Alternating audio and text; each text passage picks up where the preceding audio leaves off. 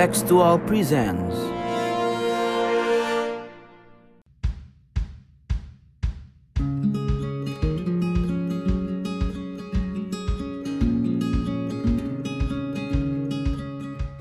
Oke, halo kembali di podcast Capsek alias podcast Kepala Sekolah di episode ketiga sama saya Patria Pratama dari Lembaga Inspirasi dan juga ditemani oleh dua teman saya yaitu Ada gue Ical.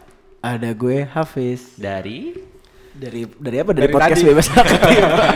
dari tadi dari tadi. sekalian promosi gitu ceritanya. Ntar ntar aja promosi. generasi itu tuh dari tadi tuh udah, udah gak lagi.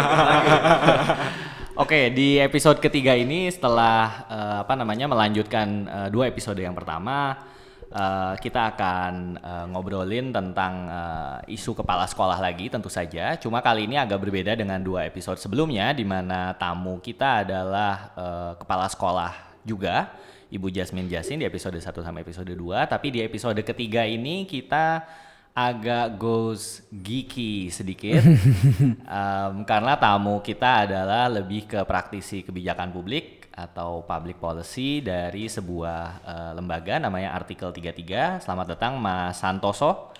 Selamat malam Mas. Halo, Mas. Terima kasih banget udah nyempetin datang. Sama-sama. Mas Santoso tuh datar sama ya. Terima kasih Mas. Memang eh, mungkin pada masanya tidak di encourage untuk Iya. kalau kita kan dengan segala kebebasan informasi ini Tapi aku penasaran sih artikel 33 tuh eh, kan kalau di kalau di undang-undang artikel 33 yang UUD 33 kan lumayan ini ya, apa tentang Pasal 33. Iya, pasal, Pasal 33, tuh 33. tentang apa? Tentang, Tentang ekonomi itu. kepemilikan sumber daya alam itu kan. eh bukan ya? Iya kan yang sumber daya dikuasai Dan negara. peng- peng- sebenarnya tentang pengelolaan ekonomi. Oh, oke. Oke. Kalau gitu gitu aja Mas. Kita eh, kasih kesempatan dulu ke Mas Santoso. Mas artikel 33 itu eh, lembaga apa sih Mas sama Mas Santoso mungkin bisa ceritain sedikit eh, apa namanya pengalaman sebelumnya gimana, terus gimana bisa sekarang banyak berkecimpung di apa namanya eh, dunia kebijakan pendidikan di Indonesia ini eh, kayak gimana? Oke. Ya, jadi artikel 3 ini eh, lengkapnya itu artikel 33 Indonesia. Artikel Jadi 33 betul bahwa dia itu berasal dari pasal 33. Oke. Jadi Dulu mau dinamai pasal 33 tapi kurang keren gitu. Jadi ya artikel 33. Ya artikel 33 ini udah paling keren banget. Udah keren. Nah, pasal tuh kayak kriminal gitu. iya kesannya.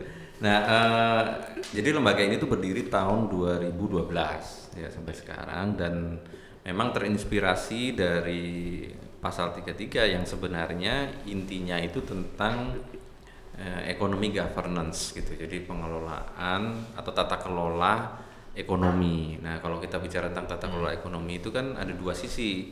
Satu tuh mengelola sumber daya, sumber daya ekonomi termasuk sumber daya alam Oke. di sisi lain itu menggunakannya dengan bijak gitu. Nah, kalau kita bicara tentang menggunakan hasil ekonomi itu kita ngomongin soal public services gitu. Oke. Yang di antaranya itu adalah pendidikan. Jadi pendidikan, kesehatan, social protection dan lain sebagainya. Nah, pendidikan itu kemudian menjadi salah satu fokus eh, riset-riset yang kita lakukan, riset dan advokasi eh, terutama untuk memastikan bahwa sumber daya yang kita punyai dari macam-macam ya dari fiskal dari macam-macam itu digunakan dengan efisien dan efektif gitu makanya kita fokus pada juga riset-riset tentang pendidikan So jadi Gitu, gitu. sebetulnya artikel 33 berarti nggak melulu tentang pendidikan mas ya, tapi apa namanya tentang ada pendidikan. tentang apa tadi natural resource, Natural ekonomi. resource, ya Oke. mostly is apa economic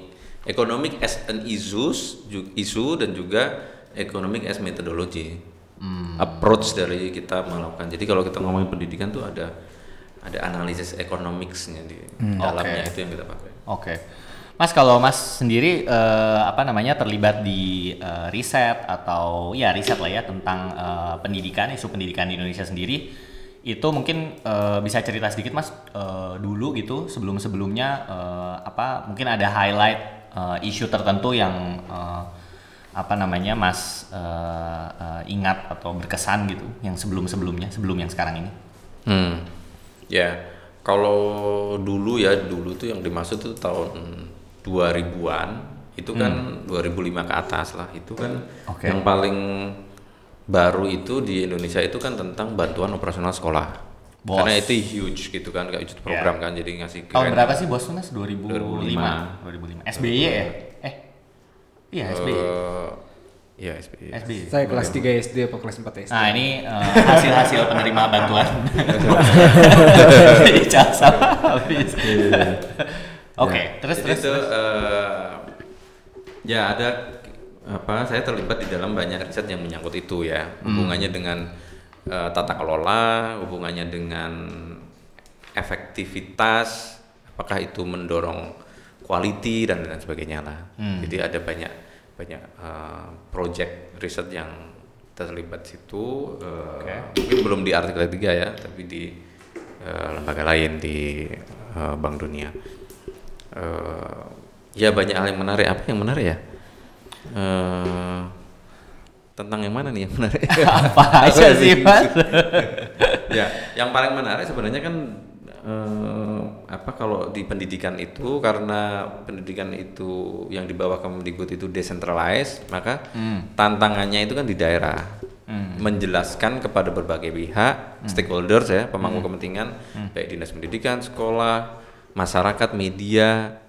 Nah mm, dulu saya misalnya terlibat di eh, campaign tentang bos ini gitu. Jadi meng Oke. men-set apa campaignnya Kemdikbud eh, tentang yang campaign Karena itu. dulu program konteksnya mungkin karena dulu program yang baru, Baru, jadi ya. belum banyak Jadi orang di- paham di- apa yang boleh, apa ya. yang nggak boleh gitu ya. Betul, termasuk eh, meluruskan berbagai salah pengertian tentang apa dulu sekolah gratis dan sebagainya itu kan. Oh, oke, oke, oke. Paling banyak orang ngaco pahamnya tentang bos apa mas emang dulu pas awal-awal? Eh, paling banyak itu tentang sekolah gratis itu sendiri yang memang agak misleading sih apa campaignnya sendiri yang dari kementerian tuh memang misleading kalau dulu inget eh, generasi zaman itu apa ya milenial berarti ya ya milenial masuk sih. Masuk Milenial awal. itu kan dulu ada iklannya cut mini pada inget gak? Gua pikir cutari. Ini. Iklan apa? Tentang- sekolah gratis gitu kan Oke. sekolahnya sekolah gratis semua gratis dan sebagainya gitu Ah. nah padahal kan gratisnya itu kan di operasional Betul. jadi kalau personal tuh nggak gratis gitu Jadi kalau saya uang jajan beli bakso mah ya, tetap bayar sendiri. tetap bayar sendiri gitu jadi orang Oh. menginterpretasikan itu gratis semuanya jadi sekolah itu kelabakan itu untuk mengcover hal-hal semacam itu misalnya gitu Hmm. jadi itu tuh lumayan miskomunikasinya lumayan ini gitu Lumayan gede lumayan gapnya. gede karena menyebabkan misalnya apa namanya LSM atau wartawan bodrek ya orang macam itu Iya. itu jadi ini apa ber ini dengan dinas pendidikan gitu Jadi konflik. jadi konflik di tingkat bawah gitulah Tapi Oke. eh, mungkin ini agak-agak pahitnya ya. Seingat saya tuh waktu pertama kali bos keluar tuh kan waktu saya SD. Hmm. Terus bahkan anak SD sudah terpapar waktu itu saya ingat banget kasus-kasus penggelapan bos gitu. Iya, iya. Maksudnya ah, banyak banget ah, ya gosip-gosip yang saya pulang ketemu ibu saya terus ada mama ngobrol, ngobrol di kantin ini nih kayaknya kepala sekolahnya Korupsi. Iya diduga korupsi bos apa segala macam. Nah sebenarnya pada masa itu eh, apakah keterkaitan antara misleadingnya campaign bos itu dengan eh, terbukanya kanal-kanal untuk korupsi itu berhubungan atau sebenarnya korupsi itu lahir dari em, apa ya dari dari dari dampak negatif lain yang dihasilkan oleh bos, mas? Ya, jadi kan tantangan awal dari sebuah program yang melibatkan grand dan besar itu adalah transparansi dan akuntabilitas kan. Itu yang kalau dia kualitasnya rendah maka potensi korupsinya tinggi kan gitu. Oke. Nah, memang di awal-awal mekanisme transparansi akuntabilitas itu rendah gitu. Maksudnya uang tuh ya dikasih kan. Seperti juga bantuan-bantuan lain, Iya. bantuan bencana alam juga ada, bantuan ini kan jadi yang Iya. berbentuk bantuan sosial itu memang kasusnya pasti begitu tuh di awal-awal kan makanya banyak kasus tentang itu temuan gitu kan Dan dan banyak gitu misalnya dari wali kota sampai ke kepala sekolah tuh kayaknya semuanya dapet semua gitu, bos. ya ya ya Ya kan? ya Eh, karena eh, hubungannya misalnya dengan biaya politik kan. Jadi karena itu gede, gede kan apa namanya. In total itu jumlahnya itu kayak eh, sesuatu yang baru dan gede gitu. Dan itu gelondongan kan dikasihnya. Gelondongan Sekolah, segini ke ya ke sekolah, ke dinas pendidikan dan sebagainya. Jadi Oke. sangat potensial. Oke, so um, apa namanya itu ngasih apa namanya segue yang uh, pas sih mas sebetulnya uh, contoh yang uh, pas di mana topik kita hari ini itu uh, sebetulnya kita pengen ngebahas buat para pendengar nih yang mungkin uh, belum terlalu uh, familiar sama uh, sebetulnya kebijakan tentang kepala sekolah di Indonesia itu kayak apa sih Eh, apa namanya eh, dari segi peraturannya gitu ya. Soalnya kalau enggak nanti bisa kejadiannya kayak yang ceritain eh, yang diceritain sama Mas Santoso tadi tentang bos kan. Orang tiap kali baca berita terus eh, nyangkanya seperti apa padahal sebenarnya eh, kebijakannya kayak gimana. Jadi sebelum kita nanti ke depannya nih Mas ceritanya kita kan bakal ngobrol dengan lebih banyak lagi kepala sekolah nih setiap episodenya. Dan pasti akan banyak isu-isu kan tantangan yang dihadapi masalahnya kayak gimana. Jadi at least kita pengen ngebahas hari ini khusus untuk eh, apa namanya ngebahas tentang kebijakan eh, tentang eh, kepala sekolah. Jadi eh, temanya hari ini eh, kebijakan kepala sekolah for dummies one on one. Gitu ya? Ya, siap. oke. Mungkin eh, apa namanya seperti itu. Kita eh, rehat dulu. Nanti ketemu lagi di eh, segmen, Segmen berikutnya. berikutnya.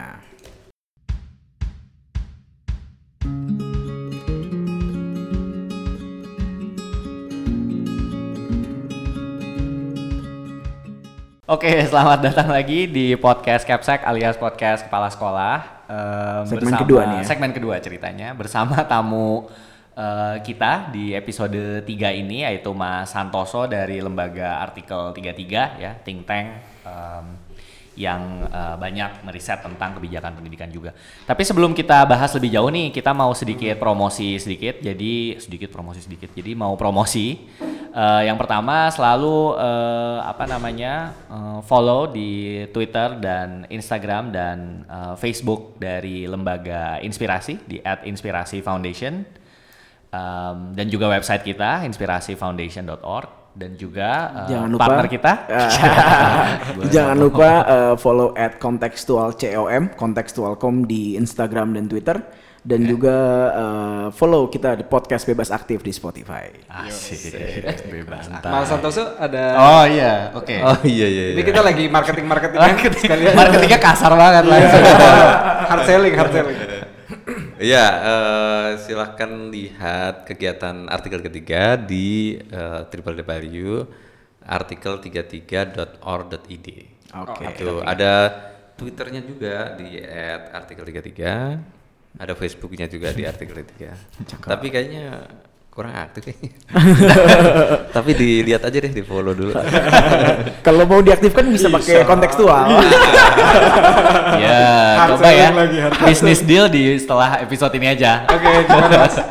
Segmen kedua kita mulai dengan apa Mas? Oke, eh, kita mulai dari eh, aku sebetulnya pengen share tentang berita nih yang baru-baru ini em, apa namanya kemarin di Jawa Tengah gitu ya. Eh, kepala sekolah di Jawa Tengah tuh dikumpulkan lalu diminta oleh Gubernur eh, Jawa Tengah ya Pak Ganjar Pranowo untuk periksa kondisi bangunannya. Em, ini tuh sebetulnya karena beberapa hari sebelumnya, terutama di eh, apa namanya di SMK Negeri 1 Miri di Sragen katanya, itu ada satu SMK dia hancur lulu lantak diterjang hujan deras disertai angin kencang.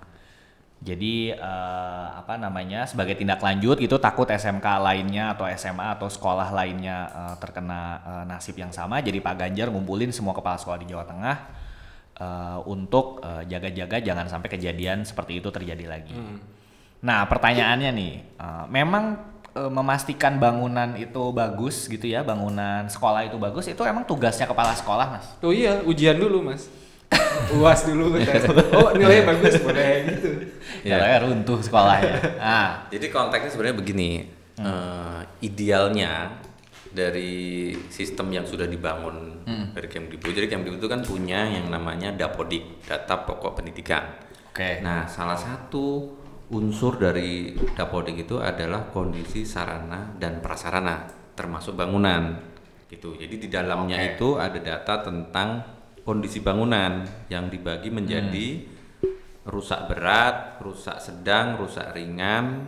Oh jadi Bagus. tingkat kerusak apa tingkat Ada kualitas tingkat bangunannya tuh ada gradasinya gitu. Ada gradasinya dan Oh. itu ada pedomannya cara menilai apakah dia rusak sedang atau rusak berat gitu. Ada Oke. detailnya itu. Jadi misalnya sebuah bangunan yang apa namanya pintunya nggak bisa dibuka, Mm-mm. itu, Itu mungkin rusak ringan. rusak ringan. Jadi kalau rusak ringan itu jatuhnya ke maintenance gitu. Oke. Tapi kalau atapnya itu Bolong. bolong, bolong eh, lebih dari 50% misalnya. Nah, itu tuh Buset bolong rusak. lebih dari- Oke. Ya, maksudnya kalau Basically atap plus itu. Ya, kalau cuma satu genteng kan rusak ringan, Rusak ringan. tinggal diganti kan. Jadi Oke. itu kalau eff- effortnya itu apa? Apakah cuma mengganti Satu genteng doang. ya kayak spare partnya gitu Atau atau, harus rehab rehabilitasi itu mempengaruhi kondisinya. Jadi kondisi ini itu diisi oleh Diisi oleh sekolah. Yang- dalam sistem dapodik itu. Dan sistem bodik yang penanggung jawabnya adalah kepala sekolah. Oke. Gitu. Nah, oke. Tapi itu kan tim ya. Jadi Iya. tapi tetap penanggung jawab kepala sekolah. Timnya Ah. ya ada guru, tenaga tenaga pendidikan dan lain-lain operator sekolah. Itu. Oke. Nah, Itu masalahnya informasinya, itu oke. idealnya. Hmm. By rule tuh begitu. Gitu. Ada Ah. aturannya tuh. Hmm. Termasuk peraturan menteri tentang Dapodik tahun 2015. Hmm, Itu oh, ada peraturannya ada bahkan. peraturannya itu yang mengatur tentang siapa melakukan apa. Hmm. Eh, termasuk eh, Dapodik sebagai eh, single database di dalam pendidikan di bawah Kementerian Pendidikan Oke. dan Kebudayaan. Jadi semua sekolah di Indonesia Mhm. itu pasti disuruh masuk eh, dapodik ada dapodik gitu ya. Ada Dapodik. Jadi kita pikir dapodik itu mirip kayak Facebooknya milenial sekarang lah. Ya. Kalau nggak ada di situ nggak eksis, bener nggak? Iya, Iya ya, kan? betul. Jadi sekolah pasti harus ada di dapodik, bener nggak? Pasti ada Dapodik. Dapodik. Kenapa pasti ada Dapodik? Karena data itu link kepada apa yang didapat oleh sekolah itu. Kalau dia nggak ngisi, nggak dapat. Oh, oke. Gitu, gitu. Oke. Nah, misalnya bos. Oke. Bos itu basisnya jumlah siswa. Kalau dia nggak ngentri, nggak akan dapat bosnya. Gitu. Contohnya begitu. Hmm. Oke. Nah, tapi itu kondisi ideal. Hmm. Faktanya tidak begitu. Ada beberapa kendala. Hmm. Kenapa data itu tidak valid? Data Sarpras Oh, tidak valid. oke. Pertama, karena data Sarpras itu belum secara optimal dipakai Hmm. untuk membuat perencanaan anggaran sarana prasarana pendidikan. Oke. Jadi gini, Dapodik itu ada tiga intinya. Satu informasi tentang siswa, dua tentang Hmm. guru, dan tentang Sarpras. Pra. Kalau yang siswa itu relatif valid karena dihubungkan dengan bos. Ya. Kalau dia kurang atau lebih ya itu masalah kan. Walaupun ada juga sih, ya nggak sih, Ya, sekolah ya. yang sekolah apa siswanya 50 tulisnya 60 gitu Ya, dan dapat 10. tapi nanti ketahuan ketika ujian nasional. Oh, betul. Karena dia harus dapat ID untuk ujian nasional. Oke. Itu Nggak tuyul gitu ya mas ya? Iya, tuyul. Tiba-tiba ada biar duit bosnya lebih. Iya. Nah, beda. Oke, jadi ka- relatif eh, susah lah Susah. untuk ngakal itu ya. Guru juga relatif valid karena dihubungkan dengan tunjangan profesi guru. Oh, Gitu jadi kan. kalau guru gak ada di dapodik, nggak dapat. dia nggak akan dapat tunjangan profesinya. Ya, gitu. Kalau fiktif juga susah gitu. Nanti Oke. transfer ke rekening siapa? Hmm. Orang harus ada namanya, ada identitasnya. Nah, Sarpras ini nggak ngeling ke mana-mana. Oh. nggak ada duit yang nyambung ke Sarpras ini gitu. Oke. Idealnya dia itu menjadi patokan bagi pengalokasian yang namanya itu dana alokasi khusus DAK namanya. DAK. Di APBN itu ada DAK yang ditransfer ke daerah. Nah, itu untuk Sarpras. Sarpras. Nah, cuman karena apa namanya tidak digunakan untuk itu jadi dia tidak tidak terlalu peduli kemudian sekolah untuk Mau diisi datanya rusak ringan semua Ya. juga nggak ngaruh gitu ya. Ya, itu faktor yang pertama. Oh, faktor yang kedua kenapa tidak valid? Karena sekolah itu tidak punya kompetensi dalam menilai kerusakan bangunan. Iya. Karena itu Tapi masa susah Thomas nilai rusak susah. berat, rusak Itu ringan? Kalau lihat petunjuknya itu tuh ribet. Dia ada rumus matematikanya itu. Ada rumusnya macam-macam yang aku sudah baca itu wah ini nggak mungkin nih operator. Kepala sekolah kan kadang males gitu gitu ya dikasih operator. Nah operator gajinya nggak seberapa suruh ngitung-ngitung. Kebayang kok. So, jadi buat buat Jadi pendengar nih, kayak Mas, ini pemborong bangunan kan nah, Oke. susah gitu. Buat Jadi- pendengar nih maksudnya Mas Santoso operator itu biasanya setiap sekolah Mm-hmm. itu me- apa namanya meng-hire satu orang khusus untuk eh, ngurusin masukin data ke Dapodik tadi disebut dengan operator gitu. Jadi dia Ya. Hmm, Operator bukan sekolah. apa namanya bukan guru ya Mas ya? bukan guru TU Bukan gitu guru, kali ya? Semacam kayak TU, Semacam cuma TU. biasanya dia eh, spesialis untuk disuruh eh, apa namanya Input ngisi data. Dapodik ya, input data semua itu. hal yang berhubungan dengan sistem IT lah gitu. Itu diserahkan satu orang yang Oke. biasanya gajinya kecil, kerjaannya banyak. Dan dan Matanya juling suruh Nah, masuk kalau- data semua. Kalau data kayak gitu harus dikarang aja. ada gitu, gitu. yang sialnya tidak tidak tidak ada di Dapodik kan. Dia menginput Iya. data Dapodik dia sendiri gak ada. Dia sendiri nggak nggak dapat ada. tunjangan gitu. Iya, ya. iya, dapat. Mas tapi sekarang oke kalau eh, pertama kan berarti isunya tentang validitas datanya bener atau enggak dipakai gitu ya. Tapi even kalau datanya valid nih, yang bertugas mastiin itu eh, apa namanya ngebangun si ruang kelasnya atau bangunannya itu bener, itu siapa mas? Dua uangnya siapa yang harusnya dipakai Nge- untuk Ngebangun atau mengidentifikasi? ngebangun? Oke. Tadi kan identifikasi lewat datanya tadi kan, lewat dapodik tadi. Nah sekarang untuk ngebangunnya itu eh, sebenarnya tanggung jawabnya siapa? Oke, jadi ada dua channel kan untuk membangun itu. Hmm. Satu dari pemerintah pusat Lewat melalui DAK di- tadi, DAK, DAK dana alokasi khusus. eh, jadi da- itu adalah eh, dana pemerintah pusat yang ditransfer ke daerah. Hmm. Itu. Nah, Oke. ke daerah itu kalau ngomongin ke daerah itu ada dua. Kalau Hmm. di kalau SD SMP di kabupaten kota, kalau SMA SMK di provinsi. Ya, Ah, channelnya beda tuh. oke. Gitu. Itu yang Oke, pertama. oke. Yang kedua itu ap- eh, dari APBD sendiri, dananya APBD sendiri yang bukan dari transfer. Hmm. Karena eh, pendidikan adalah tanggung jawab daerah kalau menurut eh, Undang-Undang. Nomor 23 Oke. tentang eh, otonomi daerah. Ya. Jadi eh, daerah tanggung jawab daerah juga untuk memastikan sekolah itu bagus gitu kan. Oke. Nah, tapi kalau yang kedua itu tergantung dari fiskal kapasitinya. Kalau daerah kaya kayak Jakarta itu ya gampang dia bangun aja. Banyak duit. Banyak duit gitu. Tapi kalau misalnya jadi kan bisa tidak hanya buat lem ibon ya tapi bentuk itu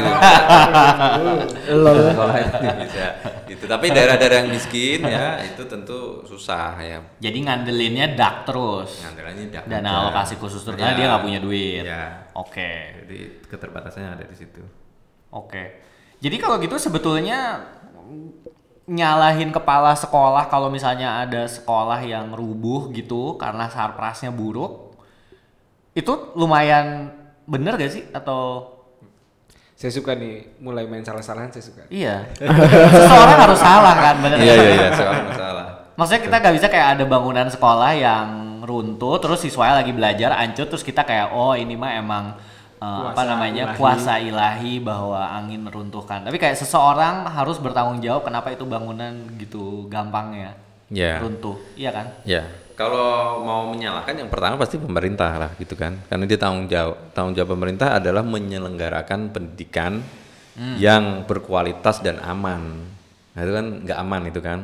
Ya itu tuh itu gitu. Daerah atau pusat?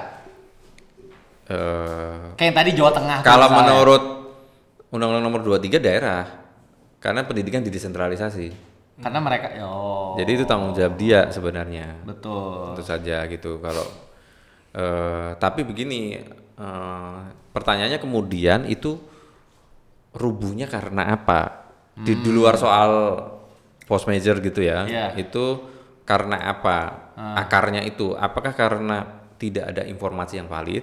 Di misalnya mana dilihat di dapodiknya Nah, kok dari eh, rusaknya di rusak mana kepala gitu. sekolah punya kontribusi atas itu gitu kan. oke Eh, atau peran kepala sekolah yang lain adalah eh, meskipun ini di wilayah yang ambigu yaitu soal keterlibatan masyarakat di dalam pendidikan ya. Karena kan ada undang ada peraturan menteri tentang eh, komite sekolah. Oke. Di mana mengatur bahwa pungutan tuh nggak boleh tapi bantuan itu boleh. Itu Oke. kan? Jadi bisa dibantu juga sebenarnya dari komite sekolah dan sebagainya. Sebagai Oh. apa yang di dalam undang-undang pendidikan nasional itu disebut bahwa tanggung jawab penyelenggara pendidikan itu ada tiga yaitu pemerintah pusat pemerintah daerah dan masyarakat Nah itu ngacunya kan dari situ. Oke. Itu tapi in general, eh, in general harusnya itu dinas pendidikan sebagai apa institusi teknisnya Yeah. yang mengurus pendidikan tuh Yeah. harusnya aware terhadap itu. Hmm. Ya, karena itu penting. Tapi Mas kalau misalnya nih, sorry ini agak diperpanjang dikit satu pertanyaan tambahan sih. Hmm. Kalau sampai misalnya dikriminalisasi tuh, kan ada informasi bahkan tuh yang tadi di Jawa Tengah tuh yang SMK 1 Seragen tadi, Iya, iya, iya. itu sampai kepala sekolah sama gurunya tuh di BAP Hmm. sama Polda. Karena Ah, apa? Karena kayak sema- apa sih semacam eh, Lalai apa lalai, gitulah. kelalaian yang mengakibatkan eh, meninggalnya eh, orang ya dalam hal ini guru sama ada satu orang guru kalau nggak salah sama siswa Hmm. gitu. Sementara kan eh, seperti yang tadi bilang kalau misalnya kesalahannya adalah misalnya nih eh, kepala sekolah udah bener masukin datanya, terus eh, apa namanya, eh, tapi misalnya dananya nggak dapet gitu misalnya, Eh, apa tadi DAK tadi atau dari APBD-nya nggak disediain, Ya, Eh, itu kan bukan salah dia. iya sih harusnya. Makanya itu kan tergantung argumentasi dia nanti kan. Ya enggak. Eh, kan Kalau sekarang kan juga, Mas, udah pakai polisi, udah Ya, deg-degan dulu Kalau zaman ya. sekarang kan semuanya bisa dilaporin. Jangan itu ambruk.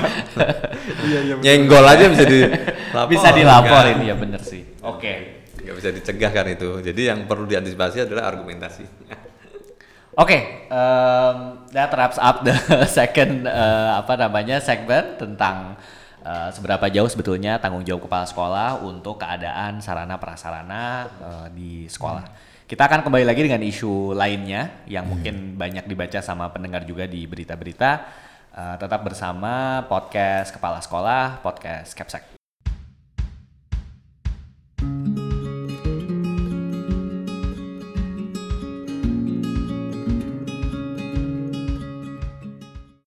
Oke, selamat datang lagi di podcast Kepala Sekolah, podcast Capsek. Eh, sekarang masuk ke episode, eh, kok episode apa namanya? Segmen. ketiga ya, segmen selanjutnya nih. Malum Masih lah ya, tentang- MC-nya masih belajar ya. masih tentang kebijakan tentang kepala sekolah for dummies. Nah, ada berita lagi nih Mas. Setelah tadi yang pertama kita ngebahas tentang eh, Sarpras ya. Ini berita eh, dia bilang Bupati Bangka rotasi 16 kepala sekolah SD dan SMP. Jadi rotasi itu maksudnya mungkin buat pendengar yang nggak familiar ya intinya sih dipindahin lah setelah dia mimpin di satu SD misalnya kepala sekolah dia dipindahin ke eh, SD sekolah lain gitu. Nah ini eh, keputusannya keluar dari eh, bupati Bupati Bangka ya. Dia bilang sih eh, merupakan suatu kewajaran katanya rotasi eh, sering dilakukan untuk meningkatkan kinerja eh, dada dada dada. Nah Mas sekarang balik lagi ke eh, kebijakan nih Mas.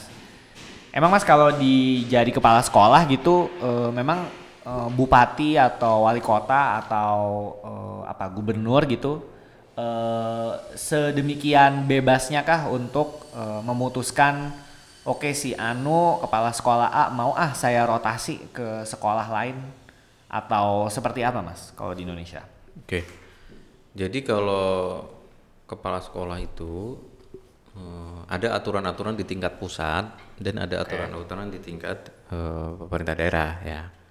Oke. Eh, aturan-aturan general di tingkat pusat misalnya tentang periodisasi menjadi kepala sekolah.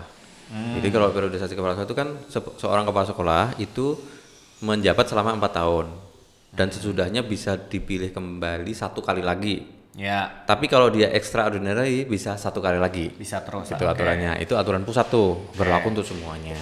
Oke. Gitu kan. Demikian juga sebenarnya tentang eh, apa namanya eh, rekrutmen dia juga ada syarat-syaratnya kan. Ada sudah melakukan pendidikan dan sebagainya kan jadi ada syaratnya.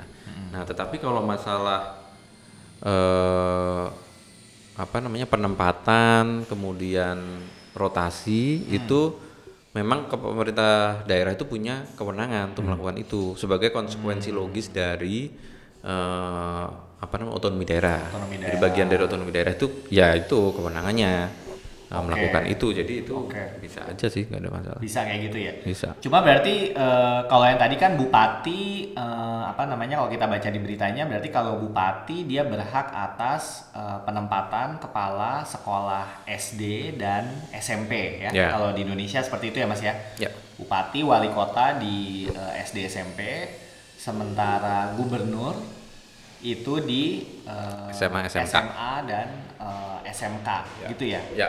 Oke. Em, kalau misalnya nih Mas, saya nih eh, apa namanya eh, dikatakan misalnya bupatinya berhak gitu ya, misalnya saya sebagai kepala sekolah lalu bupati saya mindahin. Eh, itu eh, ada kemungkinannya juga kan Mas, misalnya eh, karena nih kemarin pas pilkada terakhir saya partainya beda nih sama si bupati. Terus bupatinya sentimen sama saya. Terus saya dipindahin di rotasi, dipindah ke ujung berung. Karena bupatinya oh sialan ke aku kasih tempat yang paling eh, susah karena gara-gara kemarin kagak ngedukung dibikin susah. Berarti technically kalau ngikutin aturan otonomi daerah mas, itu memang boleh. Maksudnya nggak salah gitu, nggak ngelanggar apa pun bupatinya. Boleh dan bisa. Itu konsekuensi logis dari demokrasi. Dan yang terjadi begitu kan memang. Jadi, gitu. Jadi melekat pada kewenangannya untuk mengatur kan kita asumsinya pertama kalau public policy itu kan Hmm. eh, ada tujuan yang ingin dicapai Mm-mm. dan alatnya adalah politik salah Ya. satunya Ya. gitu kan. Nah, Ya. rotasi itu bisa menjadi alat politik untuk Ya. mencapai tujuan itu dan Ya. tujuan itu tidak tidak selalu jelek gitu kan. Misalnya soal pemerataan eh, kualitas pendidikan. Jadi Hmm. guru eh kepala sekolah yang dari sekolah bagus ditaruh di sekolah yang kurang bagus di Hmm. pelosok biar dia naik kan bisa begitu kan. Hmm. Tetapi memang bersamaan dengan itu dan nggak mungkin bisa dipisahkan itu adalah niat-niat politik kan Hmm. Iya. atau balas dendam Betul. atau apa pun. Nah itu konsekuensi logis emang nggak bisa dihindari itu. Sama dengan konsekuensi atas politik yang lain nggak cuma kepala sekolah kan? Hmm. hal lain gitu soal politik. Tapi berarti salah satu dari eh, ya seperti yang Mas Santoso bilang salah satu konsekuensi logis dari ini adalah bisa jadi gitu, bisa jadi nih eh, otonomi yang dimilikin sama bupati atau ya maksudnya pimpinan daerah gitu ya pada kebijakan merotasi dan penempatan kepala sekolah sesuai eh, dia minatnya di mana atau maunya di mana itu bisa jadi eh, menempatkan si daerah yang eh, apa namanya underdeveloped gitu. Daerah yang lebih membutuhkan eh, entah itu dari segi geografis atau sosialnya mungkin agak lebih marginal terpinggirkan. Berarti malah jadi tempat eh, buangan untuk kepala sekolah-kepala sekolah yang unquote dihukum.